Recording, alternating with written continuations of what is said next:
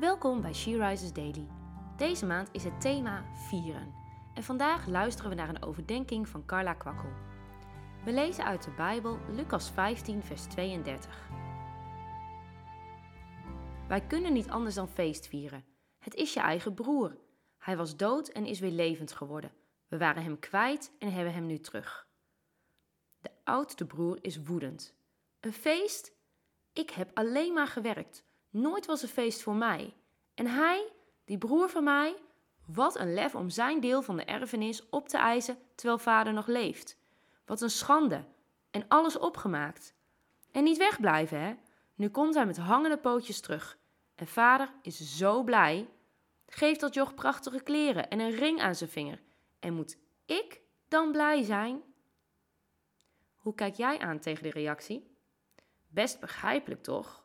Of zo kunnen wij ook reageren. Genadeloos. Maar de vader?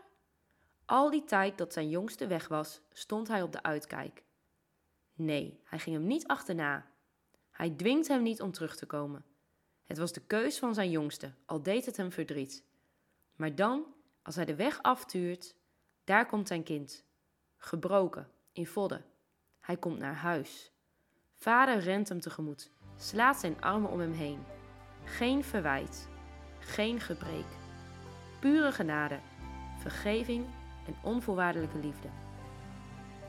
Hoe kun jij deze liefde en genade uitstralen naar mensen om je heen? Heb jij mensen die nu in je gedachten komen?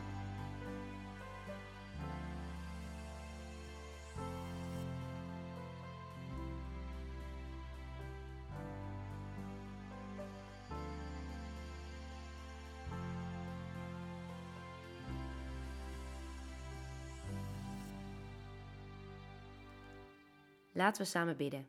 Dank u voor uw genade.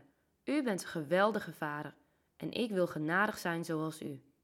In Jezus' naam, amen. Je luisterde naar een podcast van She Rises. She Rises is een platform dat vrouwen wil bemoedigen en inspireren in hun relatie met God. We zijn ervan overtuigd dat het Gods verlangen is dat alle vrouwen over de hele wereld Hem leren kennen.